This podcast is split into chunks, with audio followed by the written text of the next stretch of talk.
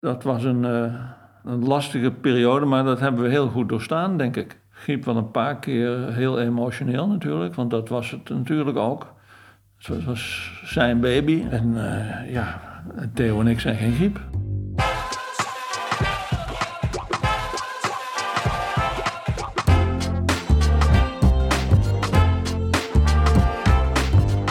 Je luistert naar Griep, een Airborne Original podcast over een van de meest markante reclamemakers die ons land ooit heeft gekend. De grondlegger van een compleet nieuwe industrie die nog tot op de dag van vandaag voortbouwt op zijn gedachtegoed. Mijn naam is Lisbeth Rasker.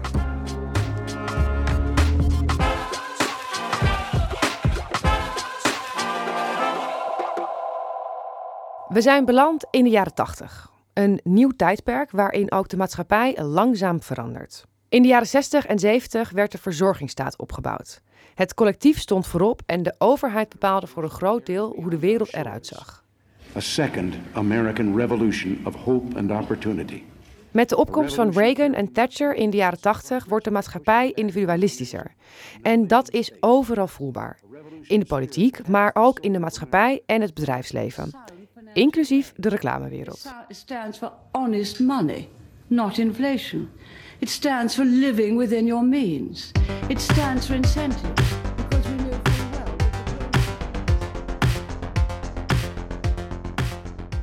Ja, wat je in de jaren 80 wel terugziet in de reclamewereld is uh, onder andere dat er meer aandacht komt voor het merk en dat er ook bij eh, consumenten meer bereidheid is om geld uit te geven aan wat duurdere en luxere merken.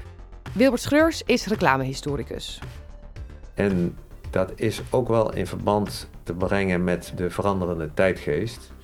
Want dat past wel bij, bij de tijd van, van de yuppies en de tijd van Reagan. En ja, het, het idealisme was uit. En uh, je hoefde je niet meer te schamen als je, als je rijk was of als je carrière uh, gemaakt had. En uh, dat mocht je best laten zien.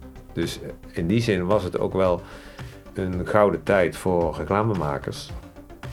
Omdat ze veel meer ruimte kregen om aansprekende campagnes te maken.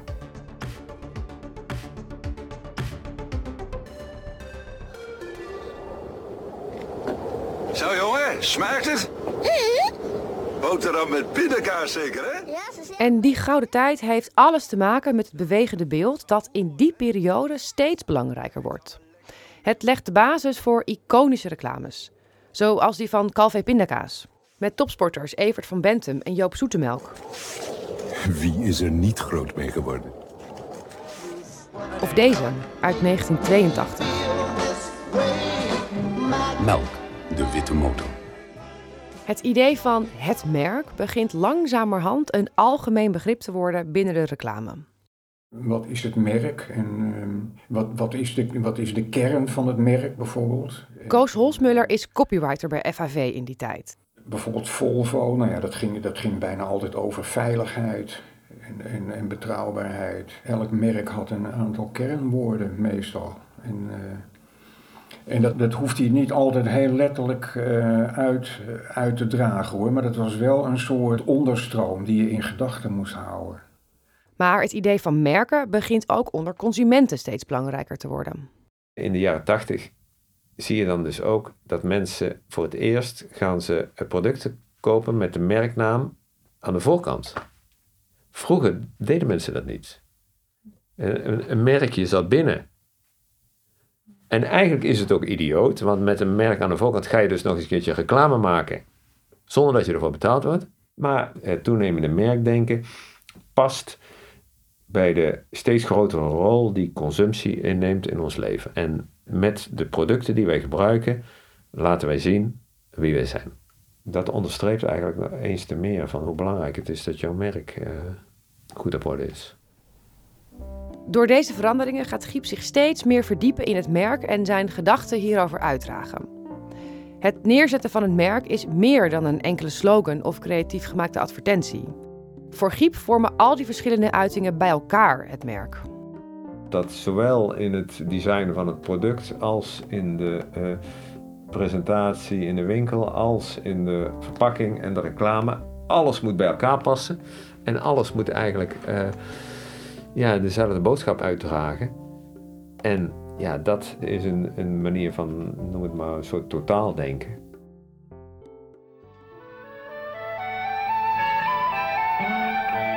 Merken krijgen voor consumenten een andere betekenis. Daarmee realiseren bedrijven zich meer en meer wat de kracht is van een sterk merk. En dan is er koffie. Douwe Egberts koffie. Lekkere koffie. In 1982 heeft Prat, een ander groot reclamebureau, het account van Douwe Egberts. De koffiegigant wil een nieuwe strategie voor roodmerk. Eén van de Douwe Egberts merken. Niet alleen Prat wordt gevraagd om hierover na te denken, maar ook FHV, de concurrent.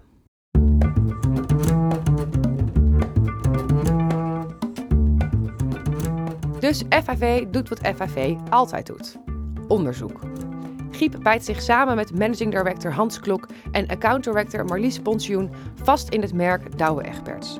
Ze kijken naar de cijfers, naar het marktaandeel en naar plekken waar het verkocht wordt. Ze komen tot de conclusie dat Douwe Egberts te afhankelijk is van het roodmerk. Want eigenlijk heeft elk koffiemerk een eigen roodmerk dat concurreert met het origineel van Douwe Egberts. Want eh, je moet je voorstellen dat uh, bij koffie was tot in de jaren 60 en 70 uh, was eigenlijk bijna iedereen dronk één type koffie en dat was roodmerk. En je krijgt vanaf de jaren 70 en de jaren 80 begint zo'n beetje de differentiatie.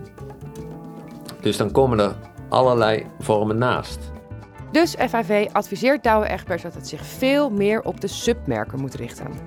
Dus dan krijg je goudmerk en dan krijg je Rosta en, en een, een hele range. Dus dan gaat jouw... En de onderliggende strategie gaat over de ruimte in het schap. En als, als die kast vol staat met allemaal uh, verschillende Douwe Egberts uh, koffies, ja, dan heb je dus ook gewoon echt terrein gewonnen. Dus ik denk dat, dat de, de Douwe Egberts campagne, of de Douwe Egberts strategie, waar FNV aan meegewerkt heeft, is minder onderscheidend geweest op het gebied van creativiteit en meer op het gebied van het meedenken en meegaan in de uh, productstrategie. Eigenlijk laat het zien dat de Douwe Egberts reclame om meer draaide dan alleen maar uh, aandacht vragen voor jouw uh, merk, maar dat er ook echt gewoon een, een, een productbeleid onder zat waar je in mee moest gaan als bureau.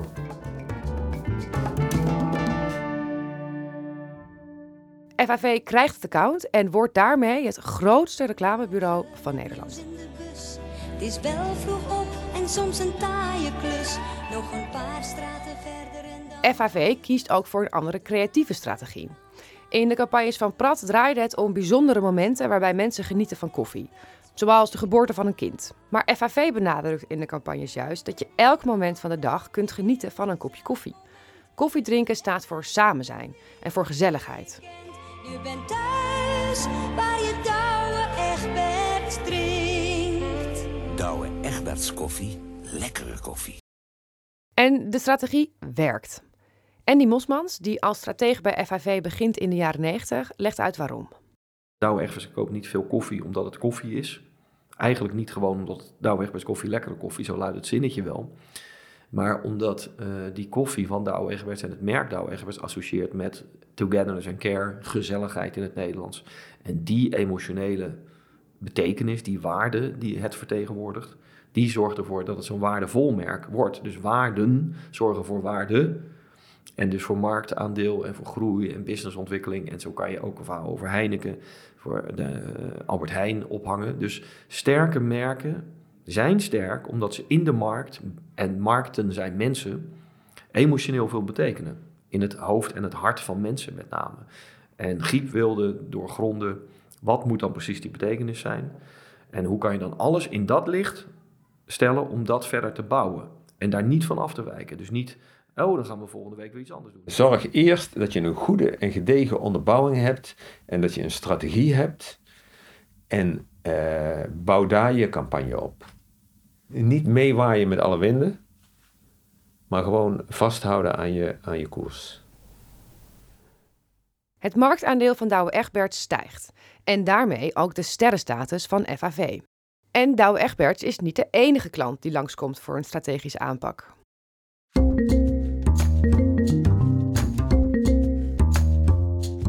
kwam Albert Heijn bij FNV langs omdat ze verloren marktaandeel aan de goedkope prijsstunters. En ze zochten naar het antwoord op die strategie. En ze probeerden alles met uh, nog goedkoper te worden. Nog, en dat uh, leverde alles maar geen respons op. Zelfs zo dat met dat goedkoop imago ook hun, hun imago goedkoop werd. Dat, hadden, dat, dat wilden ze natuurlijk niet. Maar hoe dat te doen? Hoe, hoe combineer je die nou? Bij Albert Heijmers is van oudsher altijd het dilemma geweest van uh, wij willen enerzijds uitstralen dat we uh, voor kwaliteit gaan en dat, dat we de consument trekken die niet puur uit is op alleen maar koopjes. En anderzijds willen we ook wel aantrekkelijk blijven met aanbiedingen of wat dan ook. Hè. Dus balanceren tussen kwaliteit en prijs. Dat zie je in die hele geschiedenis van, van Albert Heijn terug. Wat FNV toen aan begin, in het begin van de jaren tachtig eh, gedaan heeft, en dat is een, een beroemde campagne. Slans grootste kruidenier gaat op de kleintjes letten. Dat is een, een manier van naar het prijsniveau van je winkel te kijken op een andere manier dan van wij zijn de goedkoopste. We zijn niet de goedkoopste, we zijn juist kwalitatief top. Maar we gaan van op de kleintjes letten. En dat heeft ook in het geval van Albert Heijn heeft dat heel goed gewerkt. Dat is eigenlijk ook wel een heel mooi voorbeeld van een hele duidelijke strategie die gewoon vastgehouden werd. En niet uh, elke keer weer een andere campagne waar je linksaf gaat en dan weer rechtsaf. Waarbij de consument dan niet meer weet waar het merk voor staat. Dat zie je hier duidelijk in terug.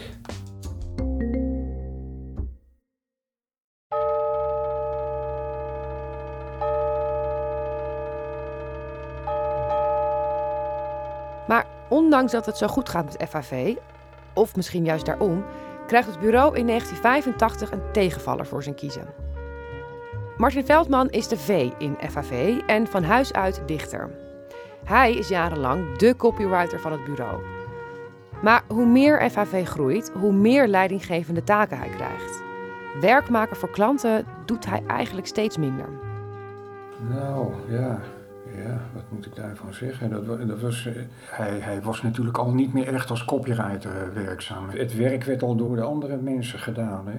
Dus, dus hij was niet, eigenlijk niet echt bezig met de dagelijkse gang van zaken. Hij heeft, hij heeft, nog, hij heeft zich nog wel bezig. En op een gegeven moment laat Martin weten dat hij een dag minder per week wil gaan werken. En dan nog een dag minder. Dus hij wilde meer de, de vrije kunst ingaan en minder uh, dat klantengedoe en uh, reclamegedoe.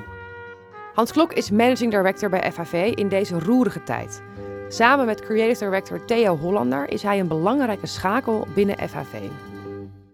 Dat was voor hem toch wel een steeds grotere belasting. Hij, hij wilde, nou, hij schreef dus poëzie eh, en, en uh, had een aantal dichtbundels uh, op zijn konto staan die ook uitgegeven waren. En hij had enige faam ook in de literaire wereld. Hij wilde die kant veel meer zijn tijd aan besteden dan alsmaar op dat bureau te moeten zijn. ja, ja. En toen bleven Giep en ik en Theo over. Martin vertrekt. En in goed overleg. Beste Giep. Hij geeft een groot afscheidsfeest. Net zoals Nico Heij tien jaar eerder wendt ook hij zijn creativiteit aan voor hij de deur achter zich dichttrekt. Hij schrijft een gedicht dat hij ter plekke voorleest. Het bijzondere moment is vastgelegd in een documentaire over FAV. En omdat wij nooit vrienden zijn geworden, in de dagelijkse zin van het woord, bied ik je, behalve dit cadeau, vandaag mijn vriendschap aan.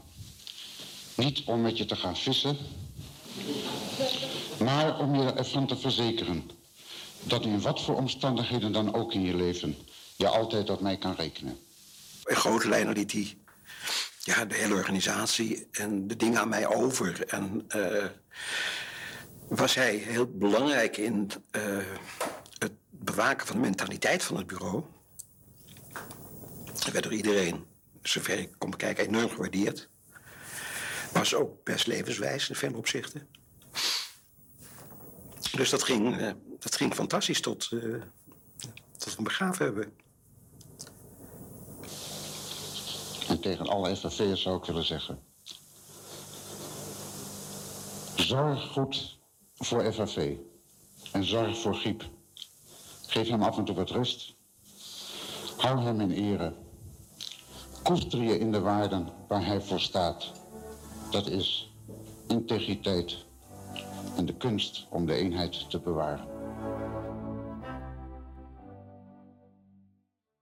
Van de letters FAV is nu alleen nog maar de F over, van Fransen. Dat valt niet alleen de FAV'ers op. Wanneer Giep te gast is in een radioprogramma, ondervraagt journalist Ischa Meijer hem erover. Waarom denkt u dat u het nou het langst heeft uitgehouden? Omdat u aan de zakelijke kant stond van, van de affaire? Ja, nou, dat, eh, dat, dat vraag ik mezelf ook steeds af. Uh, ik denk dat het voor uh, mijn type mensen wat makkelijker is om wat langer door te gaan... dan voor mensen die uh, ontwerp en tekst schrijven. Ik denk dat het heel moeilijk is als je ouder wordt... om toch steeds de voeding te houden met wat er ja, bij jonge mensen vooral zich, af, zich ontwikkelt. Ja, dus dat, en of het creatief talent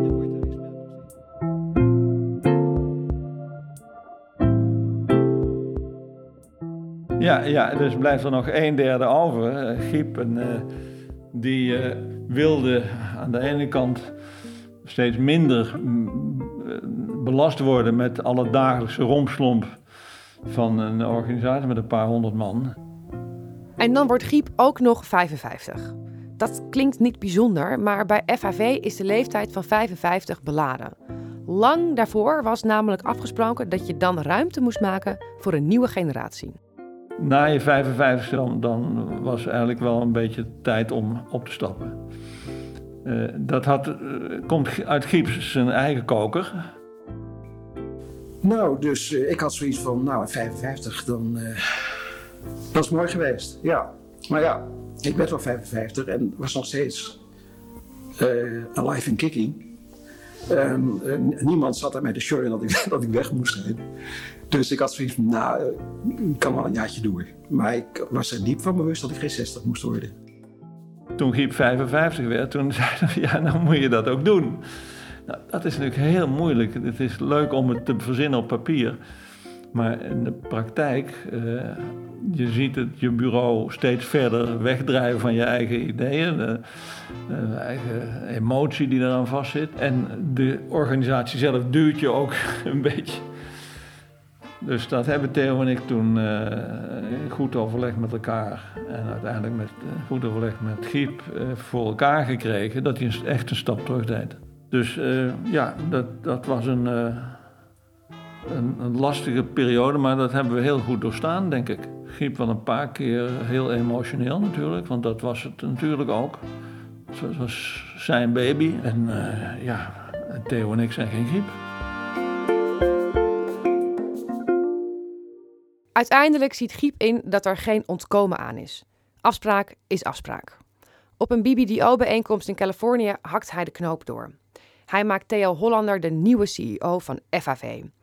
Een plek waar eigenlijk Hans op aaste, aangezien dat vanuit zijn functie als managing director een logische vervolgstap zou zijn.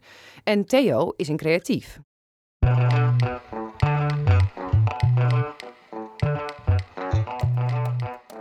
wilde dolgraag dat FHV ook binnen BBDO een meer internationale rol zou gaan vervullen als uh, trekker uh, van de professionaliteit, de ontwikkeling van het vak. dat was de, mijn grote droom, omdat ik persoonlijk meer uit de Amerikaanse zaakcultuur kwam. En, en ja, dat is natuurlijk toch de ultieme eh, stap is internationaal eh, je, je vleugels uitslaan.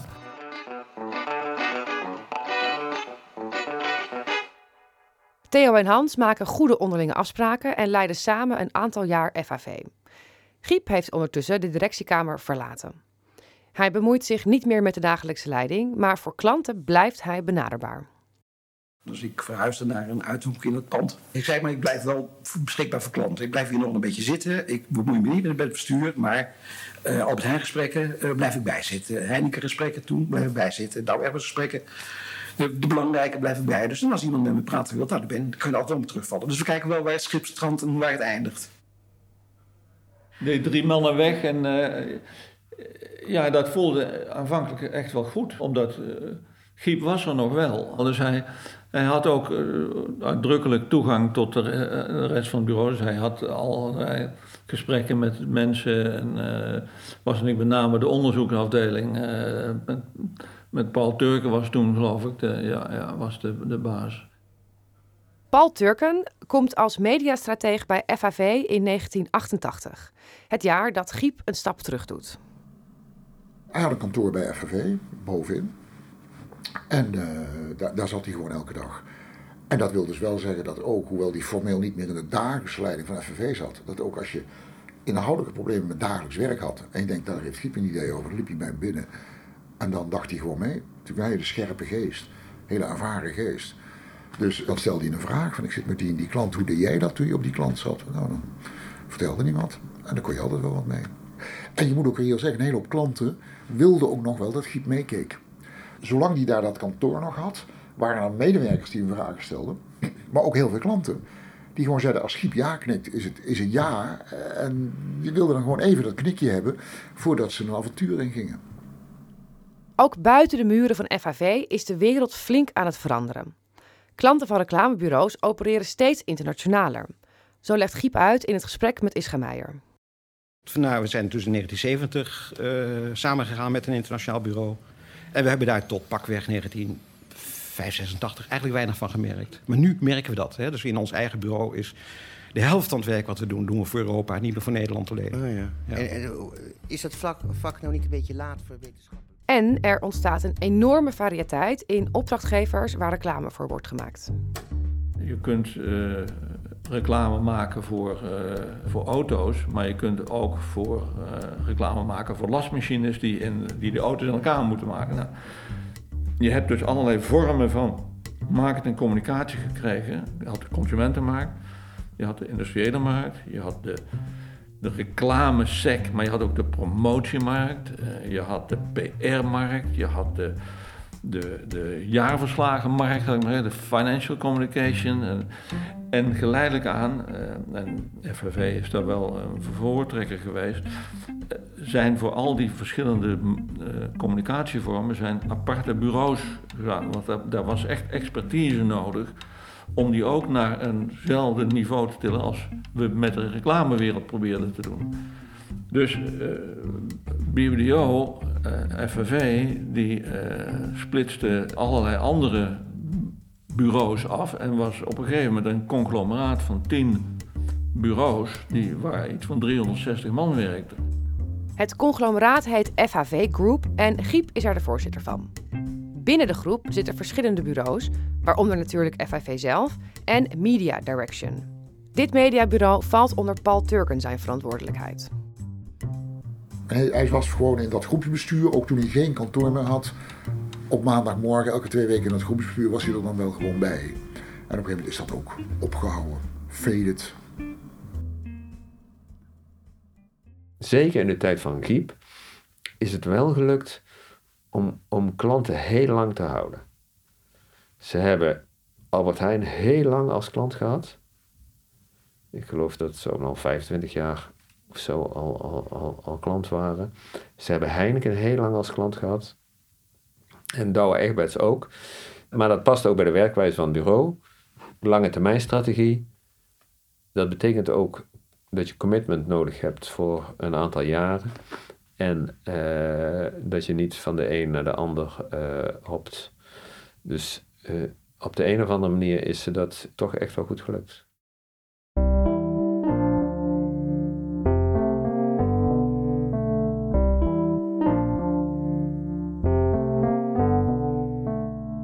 Nu Giep minder bezig hoeft te zijn met de dagelijkse beslommeringen van de FHV, kan hij veel tijd besteden aan wat hij misschien wel het allerinteressantst vindt: de wetenschap van reclame en merken.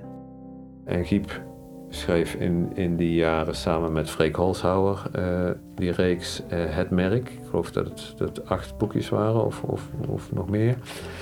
Uh, en dat waren, ja, dat was ook vanuit het idee dat er eigenlijk nog zo weinig in Nederland op gestructureerde wijze aandacht voor was en onderzoek naar was gedaan. En hij vergeleek het merk altijd met, met een ijsberg. Die, die vaak voor het grootste gedeelte onder water is. En eh, wat er onder, onder water was, dat zijn dan eigenlijk de associaties die bij de consument leven en waar we eigenlijk nog geen beeld van hebben of waar we nog te weinig, te weinig zicht op hebben. Dus, dus er was nog een hele, in zijn optiek was er nog een heel terrein lag open. Hoe werken reclame en merken precies? Welk effect heeft het op consumenten? Giep is ervan overtuigd dat er op dit vlak nog veel te ontdekken is. Een merk is natuurlijk veel meer dan alleen maar het gebruiksproduct. Uh, in het leven van veel mensen is het een deel van hun identiteit. Hè? En uh, zeg maar wat voor auto je, je rijdt en, en ik kan zeggen wat voor persoon je bent, bij wijze van spreken. Hè? En, en daar, als je, als je als adverteerder en als reclamebureau je werk goed wil doen, moet je je daarin verdiepen. En dat, dat, daar heeft hij toch ook wel een soort missie uh, in gezien om daar werk in te verzetten met een uh, bewonderenswaardige energie. Ook binnen FAV worden medewerkers opgeleid in het merkdenken van Giep. Elke vrijdag tussen 1 en 3. Reclame is niet alleen dingen maken, maar is heel goed nadenken over wat je gaat maken en dan pas dingen maken. Dat werd erin gehamerd. En als je iets deed zonder erover gedacht te hebben, ja, een grote beurt van Giep was ook een echte grote beurt. Daar moet je ook wel eerlijk over zijn. Dat was niet zo dat je denkt van, nou, ik kom er wel mee weg. Je kwam dus nergens mee weg.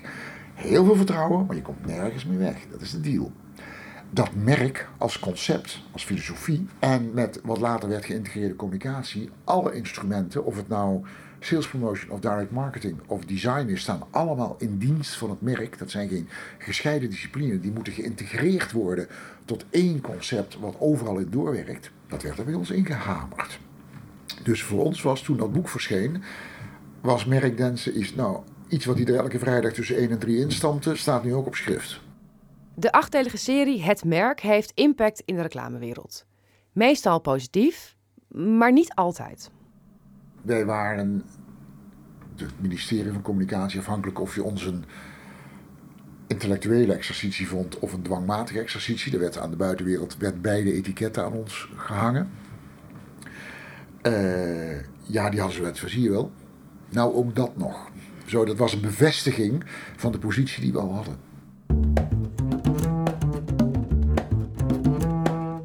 Toch verspreiden de ideeën van Giep zich en worden ze door anderen overgenomen. De halfwaardetijd van nieuwe ideeën in de communicatie in die tijd was zo vijf jaar. Dat wil zeggen, het werd ontwikkeld, het werd toegepast, het werkte. Je had jongelui, de mensen wilden groeien. Natuurlijk, FNV had natuurlijk ook het probleem dat je ja, uiteindelijk, ja, er werkt wel 140 man, maar die top is toch maar 15 man. Dus, dus ja, niet alle andere 135 kunnen die plek bereiken. Dus ergens halverwege zijn er altijd mensen die uitstappen om op een andere plek naar boven te gaan. En die namen die theorieën mee en gingen dat daar bij andere bureaus invoeren. Dus in wezen kun je zeggen dat de nieuwe ideeën van FNV werden kwalitatief redelijk goed gekopieerd binnen vijf jaar nadat Giepse lanceerde of anderen binnen FNV dingen lanceerden. En tien jaar later was het gemeengoed.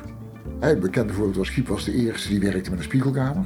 Dus dat je consumenten liet praten achter een spiegel en dat de uh, product owners, degenen die verantwoordelijk waren voor het product, mee konden kijken naar hoe consumenten erop reageerden. Uh, wij waren de eerste. Ja, natuurlijk. Vijf jaar later hebben een paar grote bureaus het ook gedaan. En tien jaar later is elk zichzelf respecterend bureau weet dat dat een onderzoekstechniek is die je gebruiken kunt. Voor het merkdenken is dat niet anders. FAV liep ermee voorop, maar begin jaren 90 is het gemeengoed geworden in de reclamewereld. Ik denk dat FNV toen op het hoogtepunt wel van zijn, van zijn roem was. Giep had uh, een aantal publicaties al over, was bezig aan dat boek met Freek Holshouwer, uh, die serie uh, over het merk. De hele reclamewereld was daar een diepe bewondering voor wat hij daar tot stand gebracht had. En FNV werd een gewoner bureau eigenlijk, met Giep er niet meer zo bij betrokken.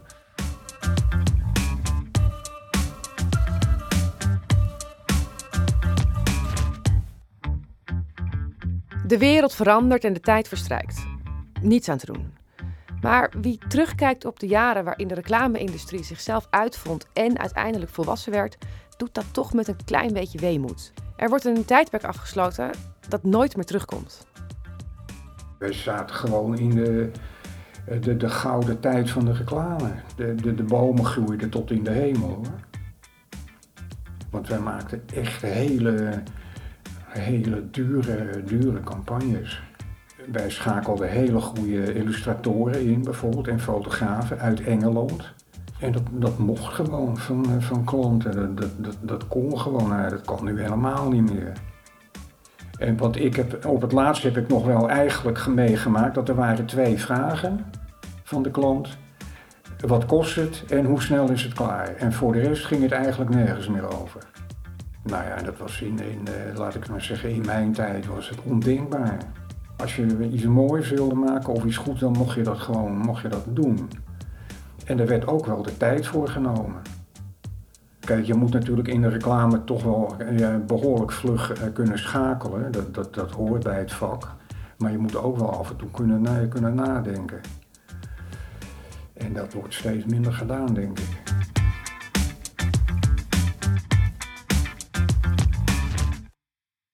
De jaren 70 en de jaren 80 zijn natuurlijk, dat is de glorietijd van FAV geweest. De grote campagnes voor de A-merken, grote langlopende campagnes, dat, dat is in die jaren geweest. En uh, toen was er ook de ruimte voor om daar uh, de tijd voor te nemen. Toen waren er de, de budgetten voor. Dus uh, in alle opzichten had je dan toch wel de wind mee. Giep heeft denk ik de reclamewereld meegegeven het besef dat je je eigen uh, professie serieus moet nemen. Hij heeft er altijd op gehamerd dat uh, reclame meer was dan alleen maar uh, een speelveld om grappige filmpjes te maken of leuke advertenties of een keer iets in de uitverkoop te doen.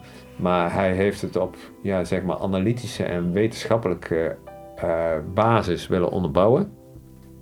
En heeft ook steeds duidelijk willen maken dat het de moeite waard was en verantwoord was om daarin te investeren. En dat heeft hij natuurlijk eerst gedaan met, met het bureau. En dat heeft hij later gedaan als, als bijzonder hoogleraar en met alle uh, boeken en artikelen die hij geschreven heeft. Reclame serieus nemen, dat was in mijn ogen eigenlijk het pleidooi wat hij altijd gevoerd heeft.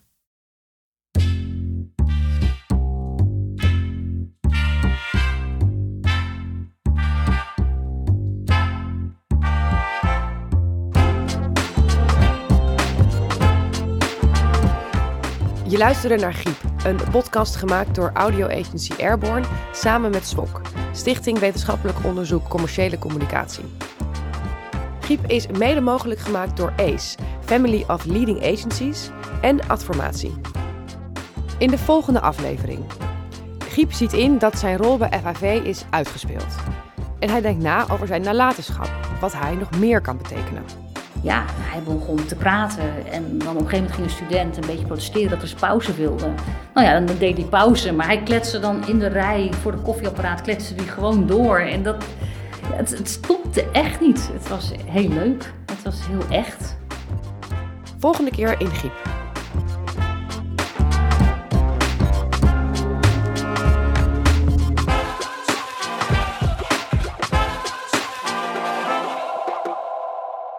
Benieuwd naar hoe het verhaal van Giep en FAV de reclamewereld op zijn kop heeft gezet? Abonneer je dan nu in je favoriete podcast-app.